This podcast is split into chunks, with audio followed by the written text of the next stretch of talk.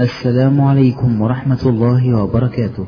والآن مع الشريط الثاني من حديث الإفك. تعالى نحمده ونستعين به ونستغفره ونعوذ بالله تعالى من شرور أنفسنا وسيئات أعمالنا. من يهد الله تعالى فلا مضل له ومن يضلل فلا هادي له. وأشهد أن لا إله إلا الله وحده لا شريك له وأشهد أن محمدا عبده ورسوله. يا أيها الذين آمنوا اتقوا الله حق تقاته ولا تموتن إلا وأنتم مسلمون. يا أيها الناس اتقوا ربكم الذي خلقكم من نفس واحدة وخلق منها زوجها وبث منهما رجالا كثيرا ونساء. واتقوا الله الذي تساءلون به والأرحام. إن الله كان عليكم رقيبا. يا أيها الذين آمنوا اتقوا الله وقولوا قولا سديدا. يصلح لكم أعمالكم ويغفر لكم ذنوبكم ومن يطع الله ورسوله فقد فاز فوزا عظيما. أما بعد فإن أصدق الحديث كتاب الله تعالى وأحسن الهدي هدي محمد صلى الله عليه وآله وسلم وشر الأمور محدثاتها وكل محدثة بدعة وكل بدعة ضلالة وكل ضلالة في النار. هذا هو الدرس الثاني من الدروس المستفادة من حديث الإفك. وكما قدمنا في الدرس الماضي أن حديث الإفك يختص بالسيدة عائشة رضي الله عنها لما خرج سهمها في غزوة بني المصطلق. وقدمنا في الدرس الماضي أيضا الكلام عن القرعة بمناسبة ذكر أول الحديث وهو قول السيدة عائشة رضي الله عنها كان النبي صلى الله عليه وآله وسلم إذا أراد سفرا أقرع بين نسائه فأيتهن خرج سهمها خرجت معه فخرج سهمي في هذه الغزوة. تكلمنا بمقتضى فعل النبي عليه الصلاة والسلام على إثبات القرعة وأنها ليست كالاستقسام بالأزلام كما ذهب إليه أبو حنيفة رحمه الله في إحدى الروايتين عنه. وفي الرواية الأخرى أنه أثبتها. وعلى كل حال فالأحاديث كلها حجة على من أنكر القرعة. وذكرنا أيضا مما ذكرنا أنه لو كان جماعة في سفينة ورأوا أن إلقاء بعض الراكبين في الماء ينجي هذه السفينة فإنه لا يجوز لأحد أن يلقي أحدا في الماء لأن الدماء معصومة. فكان أن أورد علي بعض الإخوة سؤالا وقال فأين قاعدة أخف الضررين؟ يعني أخف الضررين أن تلقي بعشرة مثلا في الماء في مقابل أن ينجو مئة أو مئة وأكثر. فيقول إن أخف الضررين يقتضي أن تلقي بواحد أو اثنين أو عشرة في الماء ولا تترك السفينة تغرق بالكل. فنقول لهذا الأخ الكريم أن الأمر ليس كما قال لأن قاعدة أخف الضررين لا بد أن يكون الضرر الذي اخترته شرعه لك الشارع. فمثلا لو كان أمامك خمر وسم أو خمر وشراب آخر من شأنه أن يقضي عليك. شراب آخر مسموم. وأنت ستموت من العطش. وغلب على ظنك السلف. فماذا تختار؟ تختار الخمر بطبيعة الحال. لماذا؟ لأن هذا هو أخف الضررين. تحسيك للخمر فيه انتهاك للنص في ظاهره. ولكن أنت في حالة ضرورة. فما تقدم على تناول هذا الشيء الذي يتلفك لأن الشريعة أتت بحفظ النفس. من الأشياء الخمسة التي أتت الشريعة بها جلبا لمصالح العباد حفظ النفس. فلو ألقينا بعض الناس في الماء فأين أخف الضررين عليه؟ لقد وقع عليه أكبر الضررين وهو الهلاك والتلف ثم إن مسألة غرق السفينة بوجود هؤلاء العشرة مسألة ظنية. يعني هل يقطع الإنسان قطعا يقينيا أنه إن ألقى هؤلاء العشرة نجت السفينة؟ ما يخال أن أحدا يستطيع أن يقطع مثل هذا القطع. فهي مسألة ظنية. وحفظ دماء العباد مسألة قطعية. فلو تعارضتا يقدم المسألة القطعية بلا شك. اختيار أخف الضررين فيما لا تلف فيه على أحد من العباد. لأنك إن أتلفته فقد أوقعت به أكبر الضررين فأين هو أخفهما إذن؟ فنخلص من هذا والأمثلة كثيرة وقد أورد علي الأخ أمثلة ليست في محل النزاع. يعني هو لو تأملها ما وجدها تنطبق على محل النزاع. إنما أردت أن أوضح هذه القاعدة لأنها قد تشتبه عليه وعلى بعض إخواني. دماء المسلمين معصومة. بعصمة الله تبارك وتعالى لها. وهي معصومة بالنص. بالنص. فلا يجوز لك أن تترك هذا النص إلا بنص مثله. فدم المسلم معصوم إلا الزاني المحصن والمرتد عن دينه والمفارق للجماعة الذي خلع يد الطاعة فهذا دمه هدر. وكذلك الذي يسب النبي صلى الله عليه وآله وسلم دمه هدر. فقد روى النسائي وغيره أن النبي صلى الله عليه وسلم أتي له بخبر يقول إنهم وجدوا امرأة مقتولة في الطريق. فقال النبي عليه الصلاة والسلام لأصحابه نشدت الله رجلا لي عليه حق أن يقول من قتل هذه المرأة. فقام من بين الناس رجل أعمى يتدلدل. فقال أنا يا رسول الله قتلتها. وإنها زوجتي وكانت بي بارة. ولي منها ولدان كاللؤلؤتين. ولكنها كانت تقع فيك أي تسبك. فكنت أنهاها فلا تنتهي. حتى إذا كان يوم فوقعت فيك فأخذت السكين فوضعته في صدرها ثم تكئت عليها فقتلتها. فقال عليه الصلاة والسلام ألشهد أن دمها هدر. ألشهد أن دمها هدر. أي لا دية لهذا الدم. فهذا الذي يتنقص من النبي صلى الله عليه وآله وسلم ويسبه. فما بالكم بالذي يسب دين الله عز وجل علنا؟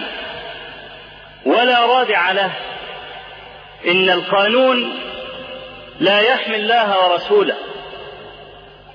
موجود مادة في القانون تقول أن الذي يسب الدين عقوبته ستة أشهر سجن ولا نعلم حالة واحدة قط طبق عليها هذا القانون مع كثرة السابين لدين الله عز وجل.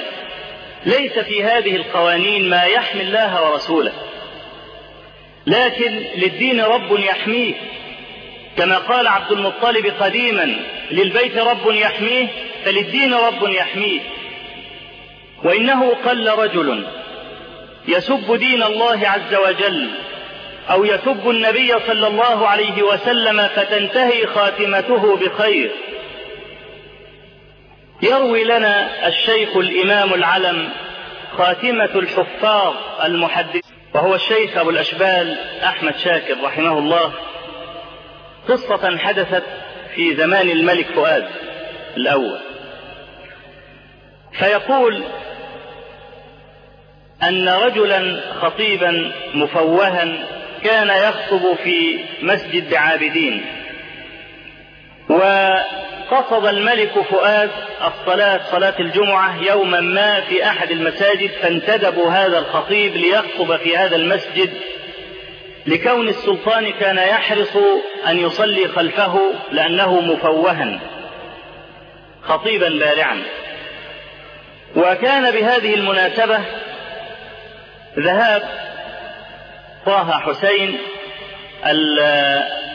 اللي هو يقولون في عميد الأدب العربي إلى فرنسا وحصوله على درجة الدكتوراه في اللغة العربية بوفادة الملك. يعني أن الملك أرسله إلى باريس ليحصل الدكتوراه. فوقف الخطيب يخطب بين يدي السلطان فأراد أن يبين أن السلطان أنعم على طه حسين بمسألة الدكتوراه والبعث إلى باريس. فقال ما عبس ولا تولى أن جاءه الأعمى. الأعمى طه حسين. والسلطان ما عبس في وجهه ولا تولى عنه لما طلب أن يذهب إلى باريس بل أوفده على نفقة الدولة. فهو يريد أن يشيد بالسلطان تزلفا إليه ونفاقا. فأوقعه هذا التزلف في مأزق خطير جدا. إذ أنه عرض بالجناب النبوي. إذا كان السلطان ما عبس ولا تولى أن جاءه الأعمى والنبي صلى الله عليه وسلم عبس وتولى لما جاءه الأعمى فهذا تعريض بالجناب النبوي. وهذا لا يليق لا يليق لأجل أن ترفع أحدا أن ترفعه على أشلاء النبي صلى الله عليه وسلم. ما يليق أن يفعل مسلم أودع في قلبه حب النبي صلى الله عليه وسلم أن يقول هذا القول. وكان من المصلين الشيخ الإمام محمد شاكر والد الشيخ أحمد الذي يروي القصة. وكان وكيل الجامع الأزهر آنذاك فقام بعد الصلاة وقال أيها الناس أعيدوا صلاتكم فإن الخطيب كفر. أعيدوا صلاتكم. وذهب إلى الديوان الملكي ورفع للسلطان أمرا أن يعيد الصلاة أن يصليها ظهرا. وقامت القيامة وهذا الرجل مشهور خطيب مشهور فقام له المحامون وقام الشيخ محمد شاكر وحده. وطلب جماعة من المستغربين اللي هم الأجانب الذين يحسنون اللغة العربية. وطلبهم أن يحكموا في هذه القضية. ولم ولم يطلب مشايخ الأزهر حتى لا يقولون يحابون. وأراد الإجابة عن سؤال واحد. هل هذا تعريض بالجناب النبوي أم لا؟ يقول الشيخ أحمد شاكر. وبعدين حفظت القضية. لما علم أنصار هذا الخطيب أنه خاسر يقول والله لقد رأيته يعني هذا الخطيب فراشا في أحد المساجد يتلقى نعال المصلين. من خطيب مفوه بارز السلطان يصلي عنده إلى فراش يتلقى نعال المصلين في ذلة وصغار. حتى لقد استحييت أن يراني وأنا أعرفه وهو وهو يعرفني. إن الذين يسبون دين الله عز وجل لا يختم لهم بخير. فالذي يسب النبي صلى الله عليه وسلم دمه هدر فالدماء معصومة في الأصل إلا ما أهدرت بنص. وهذا الذي عرض لذلك الرجل لأن أن يرمي بعض الناس في البحث ليس نصا إنما هو اجتهاد. اجتهاد منه والعلماء يقولون لا اجتهاد في مورد النص. فهذه شبهة أحببت أن أجليها قبل البدء في درس اليوم. قالت عائشة رضي الله عنها كان النبي صلى الله عليه وآله وسلم إذا أراد سفرا أقرع بين نسائه. فخرج سهمي في هذه الغزوة فخرجت مع النبي صلى الله عليه وسلم بعدما ضرب الحجاب فأنا أوضع في هودجي وأرحل فيه. هي تقول بعد الحجاب أي بعد ضرب الحجاب توطئة لقولها أوضع في هودجي. فأنا أركب في هودجي وأرحل فيه. لأن القائل إذا قال لم تركب في الهودج؟ فيقال لأن الحجاب ضرب. فكأنها قالت ذلك كالتوطئة كسبب أو كجواب لمن يقول لم تركب في هذا الهودج فيقول ضرب الحجاب. والحجاب ضرب على الراجح في سنة أربعة من الهجرة. وكانت غزوة بني المصطلق في سنة خمس هجرية. والمقصود بالحجاب هنا هو النقاب. النقاب الذي هو تغطية الوجه وجميع البدن. هذا هو المقصود بالحجاب. ولما اختلف الناس في كشف الوجه استعير هذا اللفظ أو غلب استخدامه على التي تكشف وجهها. وقيل النقاب في التي تغطي وجهها. لكن لفظة الحجاب تشمل تغطية الوجه. وهذا النقاب وردت فيه آية في كتاب الله عز وجل وأحاديث كثيرة في السنة النبوية. فقول الله عز وجل يا, يا أيها النبي قل لأزواجك وبناتك ونساء المؤمنين يدنين عليهن من جلابيبهن. ذلك أدنى أن يعرفن فلا يؤذين. وكان الله غفورا رحيما. يا أيها النبي قل لأزواجك وبناتك ونساء المؤمنين. هذا رد على الذين يقولون إن النقاب خاص بأزواج النبي صلى الله عليه وسلم فقط. لأن الآية صريحة ونساء المؤمنين يدنين عليهن من جلابيبهن. الإدناء إدناء الجلباب أن يضرب من الرأس حتى القدم. قال ابن حزم رحمه الله لا أعلم في معنى الجلباب يعني إلا أنه يضرب من الرأس إلى القدم. وصححه القرطبي وابن كثير. فهذا نص من الله تبارك وتعالى في مشروعية النقاب على الأقل. وفي حديث عائشة رضي الله عنها حديث الإفك الذي نشرحه قالت فغلبني النوم فنمت بعد أن انصرف الناس. فادلج صفوان بن المعطل السلمي فعرفني وكان يراني قبل الحجاب فاسترجع. يعني قال إنا لله وإنا إليه راجعون. قالت فخمرت وجهي بجلبابي. إيه معنى هذا الكلام عند العقلاء؟ إيه خمرت وجهي بجلبابي؟ أي غطيته. وقولها كان يراني قبل ضرب الحجاب يبين لك أنها كانت كاشفة وجهها فعرفها. فهذا أيضا يدل على أن النقاب كان موجودا. وكذا قوله عليه الصلاة والسلام لا تنتقب المرأة المحرمة ولا تلبس القفازين. ما معناه لا تنتقب المرأة المحرمة هذا يدلك على أن غير المحرمة كانت تنتقب فلما أحرمت المرأة أبان لها عن حكم شرعي خاص بفريضة الحج. فقال لا تنتقب المرأة المحرمة. وهذا يسميه العلماء كما شرحنا ذلك في بعض الدروس مفهوم المخالفة. الوجه الثاني للدليل أو الوجه العكسي لمنطوق النص. كقول الله عز وجل إن جاءكم فاسق بنبأ فتبينوا. فما هو ظاهر هذا النص؟ أن الفاسق لو أتاك بخبر تبين ولا تسلم به. ما هو الوجه الآخر؟ أن العدل الصادق إذا جاءك بخبر فلا عليك أن تتبين. ليه؟ لأن الفاسق هو الذي تتبين منه إنما العدل الصادق فلا عليك ألا تتبين منه. فدل ذلك على أن النقاب كان موجودا في زمان النبي صلى الله عليه وآله وسلم. وكذلك قول عائشة رضي الله عنها كان الرجال إذا حاذون يعني في الحج أسدلت إحدانا شيئا على وجهها. فإذا جاوزونا كشفناه أي كشفنا الوجه.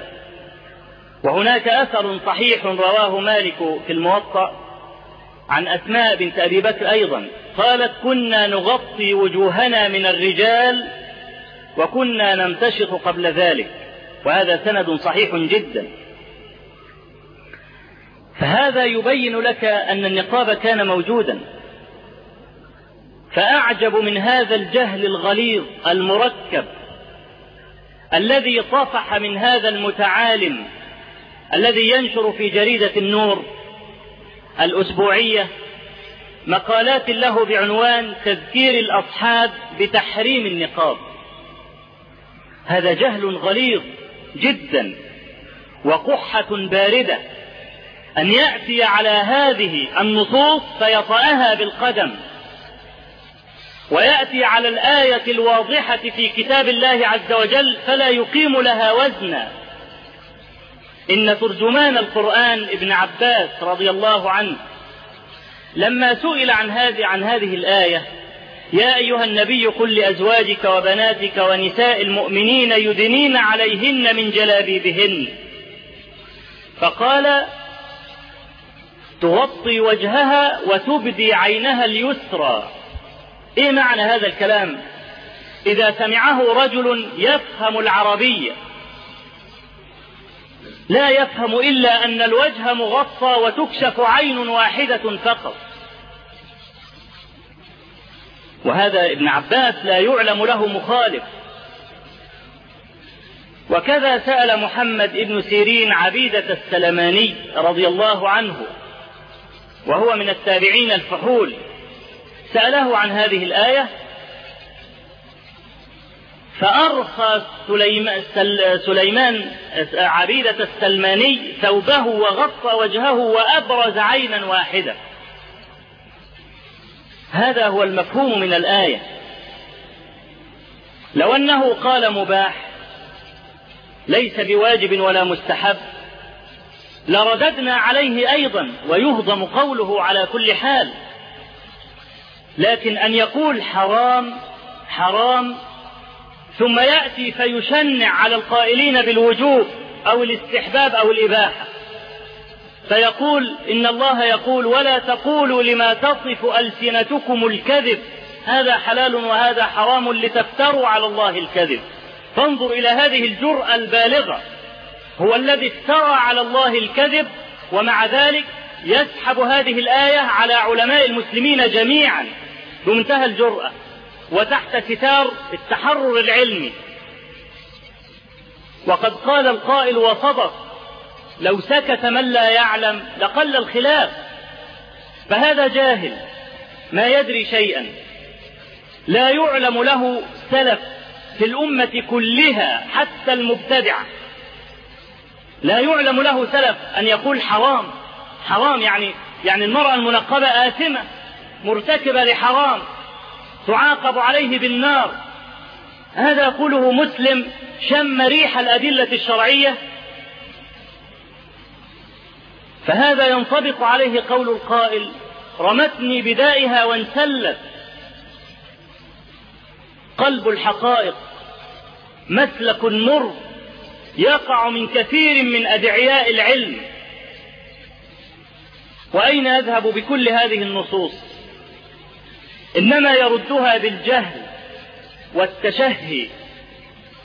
ومع ذلك يقدم له رئيس مجلس إدارة الجريدة تقديما يوهم به العوام أنه من أنصار السنة. فيقول وله خطب في أنصار السنة ودروس وكيت وكيت وهو سني. وما قاله لم يقله أحد من أنصار السنة قط ولا يجرؤ أحد أن يقوله. حرام؟ كيف حرام؟ وهذه النصوص إن لم تقضي بالاستحباب على الأقل فأين فهم هذا الرجل لهذه القواعد الأصولية؟ فهذا الحجاب الذي عنته السيدة عائشة رضي الله عنها هو النقاب. وقد يفهم من معنى الحجاب هو الحجب. وليس مجرد ستر البدن بل حجب الشخص نفسه. كقول الله عز وجل وإذا سألتموهن متاعا فاسألوهن من وراء حجاب. فالحجاب هنا هو المقصود به حائل كستارة أو نحو ذلك أو جدار. فهذا أيضا داخل في معنى الحجاب. فالحجاب قد يكون من خلف هذا الستر وقد يكون هذا الحجاب بضرب النقاب على الوجه. وقد استفاض استفاضت الأخبار بأن التابعين والصحابة كانوا يدخلون على السيدة عائشة رضي الله عنها يسألونها العلم. وقد روى البخاري في صحيحه من حديث عائشة رضي الله عنها قالت كان النبي صلى الله عليه وسلم في بيتي إذ جاءت سودة بعدما ضرب الحجاب. وكانت سودة رضي الله عنها وهي زوج النبي عليه الصلاة والسلام خرجت إلى الصحراء لتقضي حاجتها. ولعلكم لو تذكروه سياق حديث الإفك لما سقناه بكامله أن عائشة رضي الله عنها قالت ولم تكن العرب تتخذ كنفا في البيوت. ما كانش في دورات مياه في البيوت. فكانت المرأة إذا أرادت أو الرجل إذا أراد الحاجة خرج إلى الصحراء. فسودة رضي الله عنها خرجت وكانت امرأة بدينة يعرفها كل أحد حتى وإن ضربت النقاب على وجهها تعرف من بدانتها. فرآها عمر فقال يا سودة انظري كيف تخرجين فوالله ما تخفين علينا. فرجعت غاضبة إلى النبي صلى الله عليه وسلم وإنه لا يتعرق عرقا. العرق الذراع الأمامي للشاة. يتعرق أن يأكل بقية اللحم التي بين العروق. إذ دخلت سودة رضي الله عنها وحكت له ما جرى من عمر. فنزل عليه الوحي ثم سري عنه ثم قال لسودة إن الله قد أذن لكن في قضاء حوائجكن. إن الله قد أذن لكن في قضاء حوائجكن. ما الذي أراده عمر؟ أراد أن يحجب النبي نساءه فلا يخرجن البتة يعني ما اكتفى عمر بأن ضرب النقاب وأنهن مستترات الأبدان فأراد أيضا أن يكن مستترات الأشخاص. فمنع من ذلك لما فيه من المشقة والحرج إذا قصرهن في البيوت. فهذا هو معنى قول عمر يا رسول الله احجب نسائك. حتى بعدما ضرب النقاب يقول له احجب نسائك. أي يريد أن يكن مستترات الأشخاص؟ أقول قولي هذا وأستغفر الله لي ولكم. الحمد لله رب العالمين له الحمد الحسن والثناء الجميل وأشهد أن لا إله إلا الله وحده لا شريك له يقول الحق وهو يهدي السبيل وأشهد أن محمدا عبده ورسوله صلى الله عليه وعلى آله وصحبه وسلم. قوله صلى الله عليه وسلم إن الله قد أذن لكن في قضاء حوائجكن نص في جواز خروج المرأة من البيت. ولا تسمعوا لقول القائل رحم الله زمانا كانت المرأة لا تخرج فيه إلا ثلاث مرات. المرة الأولى من رحم أمها إلى الدنيا والمرة الثانية من بيت أبيها لبيت زوجها والمرة, والمرة الثالثة من بيت زوجها إلى القبر. هذا أقل ما يقال أنه لا يعلم النصوص الكثيرة التي ورد فيها أن النساء كن يخرجن في زمان النبي صلى الله عليه وسلم بغير نكير بل, كن بل, بل حديث السيدة عائشة نص. والنبي عليه الصلاة والسلام هو الذي أقرع بين نسائه فخرج السهم لعائشة فخرجت معه. فكيف يقال ما تخرج من بيت زوجها إلا إلى القبر؟ في صحيح البخاري أن أسماء بنت أبي بكر وكانت امرأة الزبير بن العوام. كانت تخرج على ميلين من المدينة تأتي بالنوى فتدقه لفرس الزبير الذي حبسه في سبيل الله. وكان الزبير مشتغلا بالجهاد ونشر الإسلام ومكان متفرغ لأن يجمع النوى للفرس. فقامت أسماء بهذه المهمة الشاقة شوف تدق النوى دقا حتى يأكله الفرس. قالت أسماء فبينما أنا راجعة إذ النبي صلى الله عليه وسلم وأصحابه فأناخ راحلته وقال لها اركبي أن تركب خلفه عليه الصلاة والسلام. قالت أسماء فتذكرت غيرة الزبير. فأبيت. ما ركبت؟ وخلف من؟ خلف النبي صلى الله عليه وسلم هذه واحدة وخلف زوج أختها عائشة. تقدير المرأة لمشاعر الرجل. قالت فتذكرت غيرة الزبير. فأبت أن تركب. ثم واصلت طريقها إلى البيت وقصت القصة على الزبير.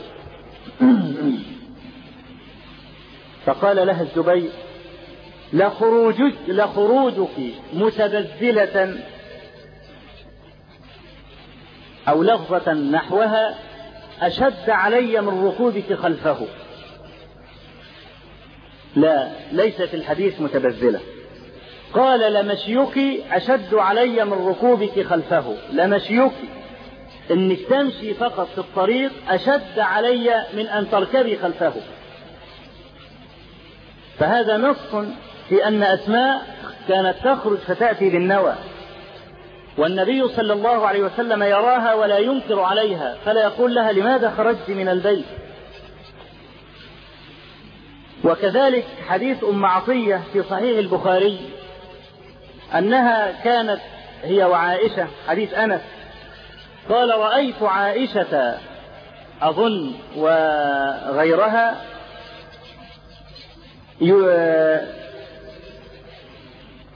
رأيت خدم سوقهما وهما يلقيان بأفواه القرب في أفواه القوم.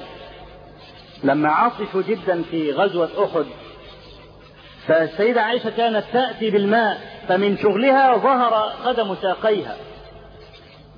فهذا يدلك على أن المرأة يجوز لها أن تخرج. وأما الحديث الذي رواه عبد بن حميد في مسنده من حديث أنس أن امرأة خرج زوجها في سفر فقيل لها أبوك مريض؟ فامتنعت أن تخرج. أبوك مات فامتنعت أن تخرج خلفه. فلما جاء زوجها وقص ذلك على النبي صلى الله عليه وسلم فقال إن الله قد غفر لأبيك بطاعتك لزوجك. فإن هذا حديث باطل لا يصح. الأدلة متضافرة على جواز خروج النساء لقضاء الحاجة. وهذا الجواز لا ينافي قوله عز وجل وقرن في بيوتكن لأن هذا هو الأصل.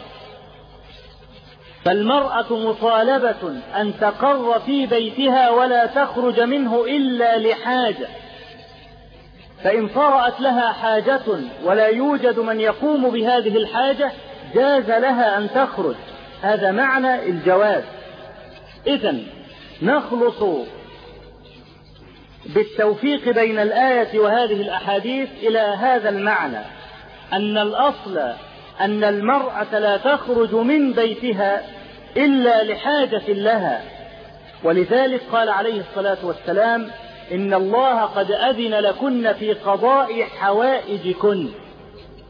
أي ما تحتاج إليه المرأة فالله قد أذن لها في ذلك. فالرجال الذين يتركون نساءهم يخرجن إلى الأعمال ومخالطة الموظفين لا سيما إن كانت متبرجة سافرة.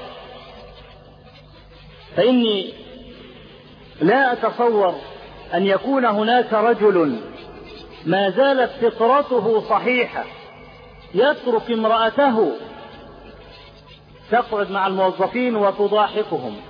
قد رأينا أشياء كثيرة ولا يستطيع أحد أن يكابر في هذا. الذي ترك زوجته تعمل هناك هو بلا شك أيضا يعمل ومعه موظفات.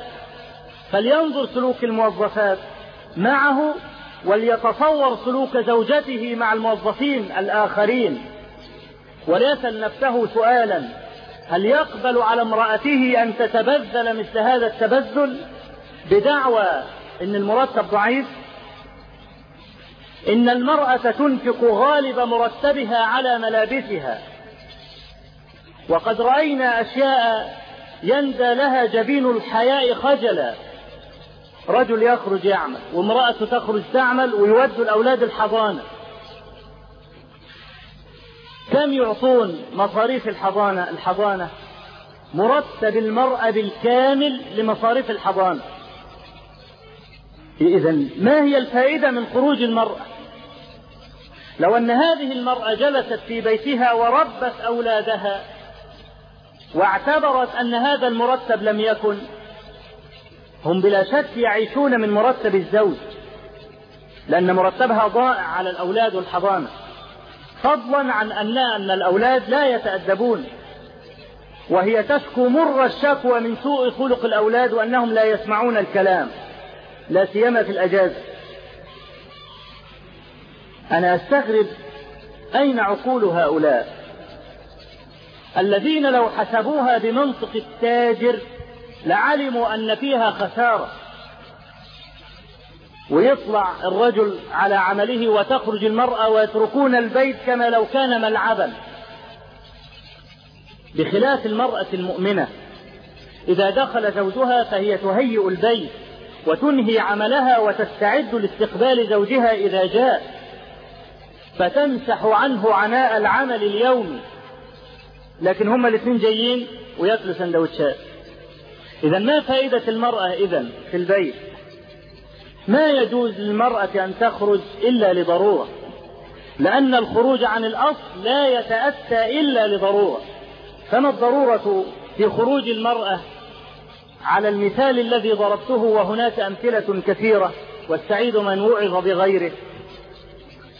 فهذا هو معنى قول قول النبي عليه الصلاة والسلام لسودة رضي الله عنها إن الله قد أذن لكن في قضاء حوائجكن. وما حجبها النبي صلى الله عليه وسلم في البيت دفعا للمشقة. فقول السيدة عائشة رضي الله عنها بعدما ضرب الحجاب تقصد به التهيئة لكونها ترحل في هذا الهودج ثم تقصد به بعد ذلك كما سيأتي شرحه. بيان أن صفوان بن المعطل ما عرفها إلا لأنها كانت كاشفة وجهها وهي وحدها في الصحراء. وسيأتي مزيد بيان لهذا البحث إن شاء الله عند قول السيدة عائشة رضي الله عنها فخمرت وجهي بجلبابي. نسأل الله تبارك وتعالى أن ينفعنا بما علمنا وأن يعلمنا ما جهلنا وأن يهدينا للتي هي أقوم بالتي هي أحسن. اللهم اغفر لنا ذنوبنا وإسرافنا في أمرنا وثبت أقدامنا وانصرنا على القوم الكافرين. اللهم اجعل الحياة زيادة لنا في كل خير واجعل الموت راحة لنا من كل شر. اللهم قنا الفتن ما ظهر منها وما بطن. اللهم لا تجعل الدنيا أكبر همنا ولا مبلغ علمنا. ولا تجعل مصيبتنا في ديننا ولا تسلط علينا بذنوبنا من لا يخافك ولا يرحمنا. رب آت نفوسنا تقواها وزكها أنت خير من أخي الكريم نرجو مواصلة الاستماع على الشريط التالي من هذه السلسلة. والسلام عليكم ورحمة الله وبركاته.